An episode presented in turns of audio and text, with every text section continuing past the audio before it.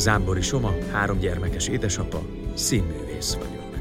Igen, ez egy podcast, amikor apák nyíltan és őszintén, tabuk nélkül beszélnek az apaságról. Egy műsor, egy témával. Válaszok, történetek, érzések, nem csak apáknak. Apakt. Apás dolgok lemesztelenítve.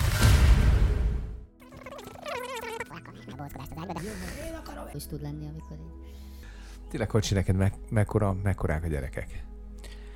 A kislányom ő most öt és fél éves, a kisfiam pedig hamarosan négy éves lesz. Szerintem a legjobb korban vannak. Már mindent lehet velük, mindenfelé lehet velük menni. Lehet élvezni, hogy nyílik számukra a világ. Most már eléggé kinyílt, főleg, főleg a kislányom számára. És, és teljesen így rácsodálkoznak mindenre, és, és meg is értik, úgy látom.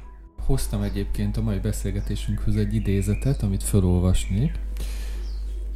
Fodorákos Műhely Haiku című verse. Talán hozzá se nyúj, csak nézd és nézd, míg csak gyönyörű nem lesz. Hát rólad ez jutott eszembe, amikor készültünk erre a beszélgetésre, mert mi ismerjük egymást régóta, van tőled fotóm, ö, sokszor láttalak, vagy láttunk, tehát, hogy láttalak téged és a családoddal együtt is, ahogy mentetek játszóra, te mentél a gyerekekkel játszóra. Azt látom a képeidben, hogy a kompozíciók mögött gyakran történet áll valahogy, és ezt nagyon szeretem, és, és ez jutott eszembe valahogy, hogy mintha apaként is te így lennél ezzel, hogy van ez a látásmódod. Hm? engedem őket egyébként. Én az a, az, az apa típus vagyok, aki engedem őket játszani a játszótéren, hagy menjenek, fedezzék fel, ott vagyok. A pálya széléről figyelem őket. Lehet, hogy ez közrejátszik benne, hogy ketten vannak, és már ugye egy gyerekes szülőként még jobban fogja az ember a kezét, jobban félt, de ha ketten vannak, akkor ők két felé szaladnak, és akkor nem kell mindig ott állni a kisebb mellett sem. És azt látom, hogy, hogy elég ügyesek ahhoz, hogy ne essenek le a mászókáról, ha meg leesnek, akkor nem olyan magasra jutottak még, akkor onnan még fel kell tudni állni. Hogy mutassunk be, hogy mutassuk be az Apakt új epizódjának vendégét, hogy mutassunk be téged. Te fotós vagy, fotózol, a képeid, több képeidet nézve eh, más stílus, és mondhatni a te stílusod, és ez már egy nagyon nagy dolog, mert több százezer fotósból felismeri valakit a képe alapján, az már egy névjegy, az már egy jó brand, az már egy jó, jó irány, és ez egy nagy betűvel írott, nagyon-nagyon szép szakma. Köszönöm szépen a kedves szavakat, ezen mindig meglepődöm egyébként, amikor, amikor azt mondja valaki, hogy felismeri a képeimet, a uh-huh. képek stílusáról, mert én nem gondolom ezeket annyira egyedinek, meg az, az a valóságban úgy áll ez össze, hogy mindenki, aki, aki fotózik, vagy képet készít, ugye egyedi perspektívával, vagy egyedi hozzáállással készíti ezeket a fotókat, úgyhogy meg szoktam lepődni, amikor valaki azt mondja, hogy, hogy felismerte. Ne, ne lepődj meg, azért ne lepődj meg, mert nyilván megvan a te látásmódod, ahogy fogalmaztál, van egy, van egy utómunkához való ö, kapcsolatod. A másik meg nagyon érdekes, hogy én nekem is a párom fotós, és nagyon jól látom azt, amikor, amikor ő dolgozik, egyszerűen, egyszerűen tátott szájjal tudom nézni, és lubickolok abban, abban, amikor látom őt dolgozni, utána meg látom a képeit, tehát hidd el, én abszolút outsiderként nagyon jól tudom élvezni ezt a fajta művészetet és ezt a fajta látásmódot is, holott hiába próbálom én Ctrl-C, Ctrl-V-zni, nekem sem megy, de mint apa is itt vagy, és ez nagyon fontos, úgyhogy majd erről is beszélgetünk. Attila, neked mi a kapcsolatod, honnan jött Karesz? Te mi, hú, mikortól ismerjük egymást? Vagy húsz éve? Hát emlékszem, hogy a Szatymazi utcai kis garázsba találkoztunk először. Én akkor voltam a szórakoztatóipari batintött segédmunkási pályám elején, és akkor futottunk össze egy zenekarba, és hogy valahogy nagyon jó barátságba keveredtünk, ami azóta is, azóta is tart.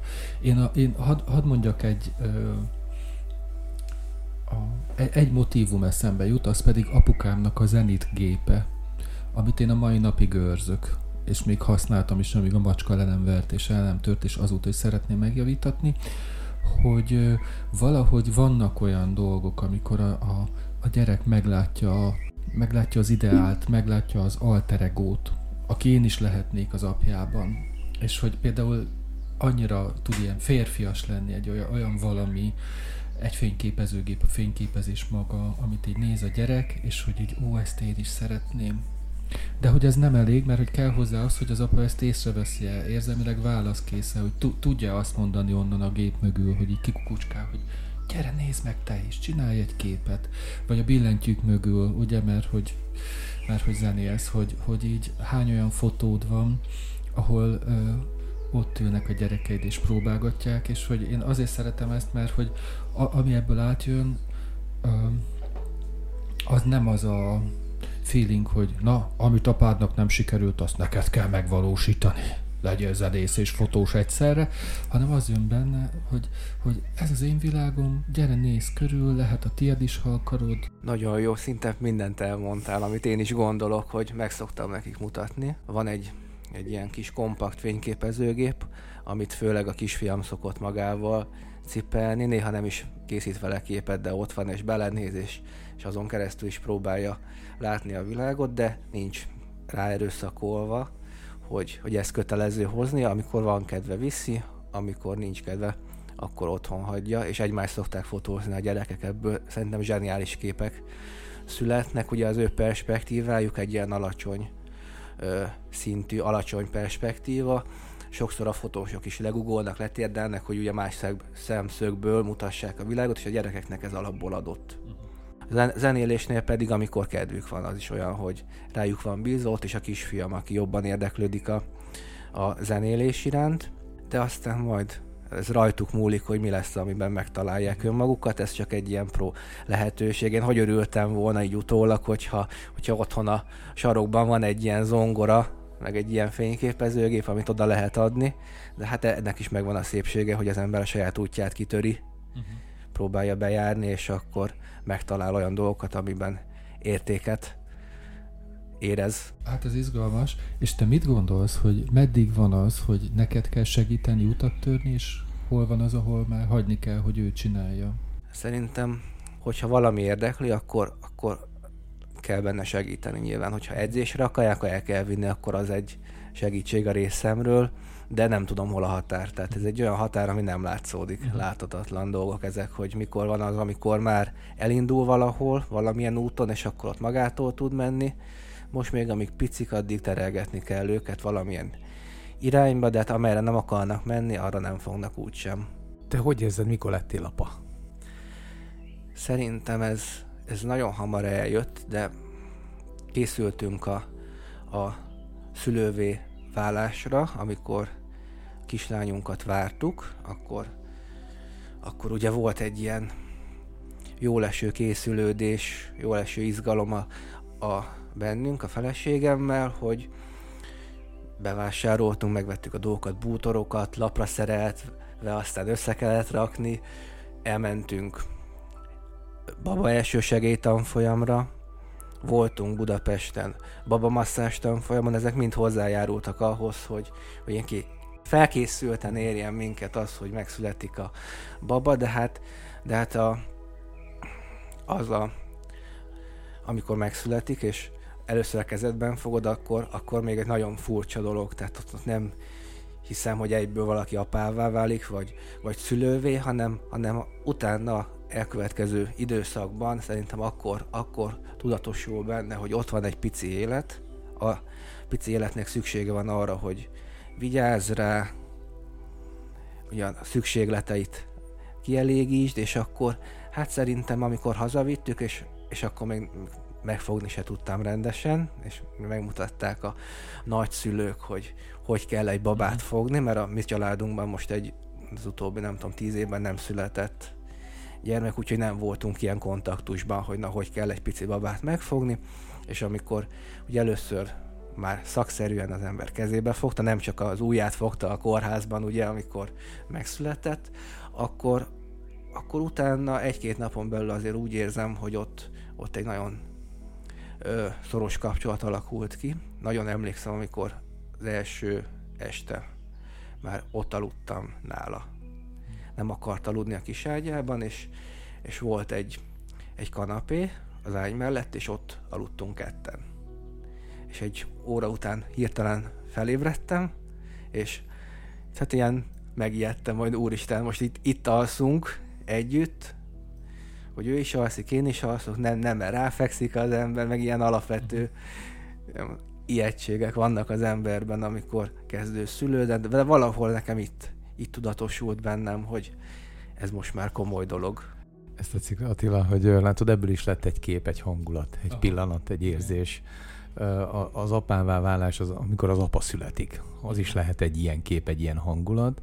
Hát közben elmentünk az idézet mellett. Tehát volt egy idézet, van egy idézet. Még egyszer elmondanád? Igen. Műhely haiku, talán hozzá se nyúj, csak nézd és nézd, még csak gyönyörű nem lesz. Ilyen lehetett az az éjszakai felriadásod vagy ébredésed, amikor rájöttél, hogy ott fekszel a gyerek mellett, nem? Teljes mértékben. Japánban van egy ilyen szokás, hogy az első magzat mozgás után az apák ruhájából az anyáknak készítenek egy jövet. És az anya ezt hordja egész végig a várandóság során, és miután a baba megszületik, ebből készül az első ruhája az apa ruhájából, ami övként szolgál, és hogy ez mint egy jelképe annak, hogy az apa is benne van, hogy az apa is, apa is ott van. Hát nekem több párhuzam is eszembe jut, hogy nálad hogy van ez, hogy te hogy vagy benne így a gyermekeid életében, de hogyha erről mesélsz egy kicsit, hogy hogy éled meg ezt? Nem tudom, hogy én hogy vagyok benne az életükben, minden részletben, szerintem nagyon sok részletben benne vagyok, ahol csak tudok ott vagyok velük. Ezek szerint akkor a munkád, az életed megengedi ezt a fajta uh, nem időrablást. Tehát neked nem kell a saját munkádból rabolni időt a gyerekeidre.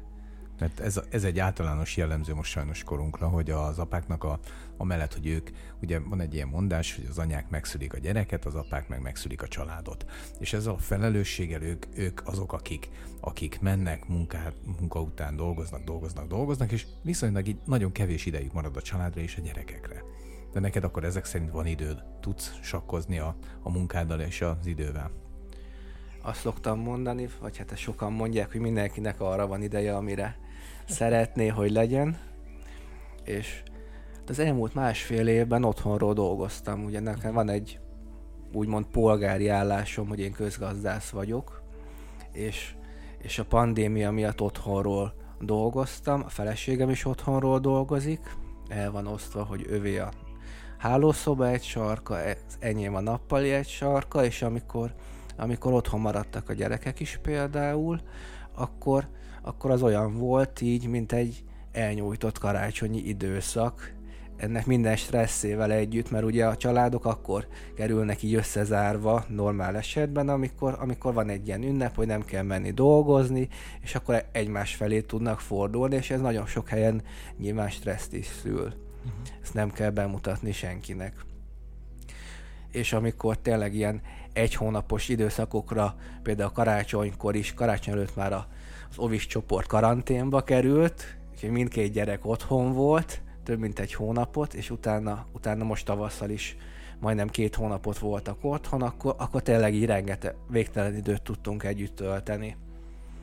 És arra kell ügyelni, vagy hát arra próbál az ember ügyelni, hogy, hogy, hogy ne veszten el a részletekben, tehát uh-huh. nyilván nem egy kellemes dolog, hogy én nekem úgy kell számokkal foglalkozni, meg riportokat gyártani, vagy akár képeket szerkeszteni, hogy a háttérben megmegy a mesecsatorna. Uh-huh.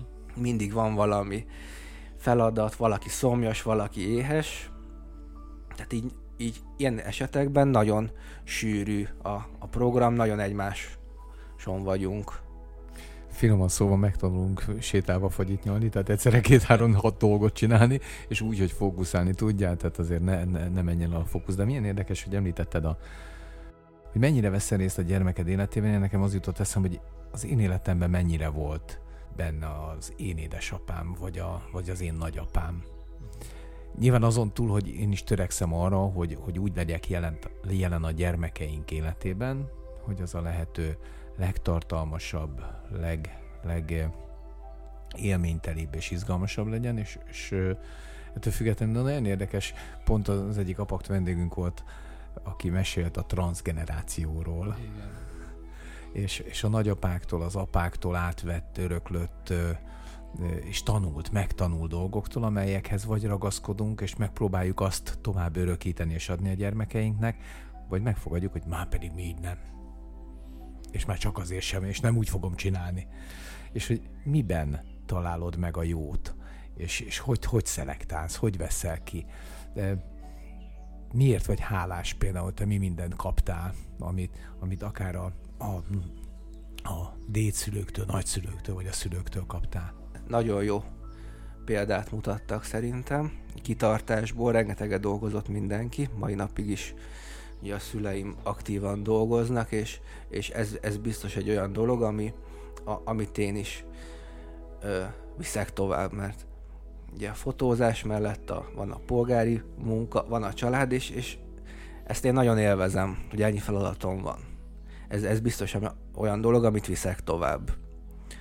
A természet szeretetét, azt is ugye otthonról hozza az ember. Én, én zákányszéki származású vagyok, és, és az életem első hét évét tanyán töltöttem. Hogy ismerem, hogy melyik évszakban, melyik napszakban, hogy esik a fény, hogy fordul a nap, mit, le, mit érdemes fotózni. Ha gyakrabban járok ki, akkor azt is tudom, hogy merre mennek éppen az őzek, vagy merre vannak nagyobb rudlik. Úgyhogy ezeket otthonról hoztam. És hogy tudod átadni a gyermekeknek? Hát például ugyanúgy, hogy viszem magammal őket. Tehát a képek egy része úgy készül, hogy ők ott vannak velem, csak azokat a képeket nem publikálom, amin ők is ott vannak, de amikor odaért tényleg az ivatar felhő, akkor, akkor le tudtam őket fotózni egy gyönyörű ilyen felhő struktúrával a háttérben, és az egy nagyon, nagyon érdekes kép. De ilyenkor azért apaként nagyon vigyáz az ember az épségükre, hogy egy olyan szit- szituációba egy ilyen eh, ahol villámok cikáznak, hogy ilyen, ilyen helyre nem viszi ki magával, de amikor egy kis szél van, meg egy kis zivatar felhő jön, az, az simán ki lehet velük menni, és nyilván autóval megyünk, tehát ők beülnek, a, amikor, amikor már a dolgok sűrűbbre fordulnak, amikor odaér a szél meg az eső, akkor ők már az autóban ülnek, és arra várnak, hogy apa mikor csukja össze az állványt, és azt mondja, hogy megyünk haza. Ha valahol van egy fegyver, az biztos, hogy el fog sülni. Nos, itt a stúdióban, az APAK stúdiójában van egy gitár és van egy billentyű, úgyhogy ezek is megszólalnak. Vaskarcsival és Farkas Attilával egy különleges APAK jam. Így az első epizód végén, csak megsugom, a második rész után is lesz majd egy közös zenélés.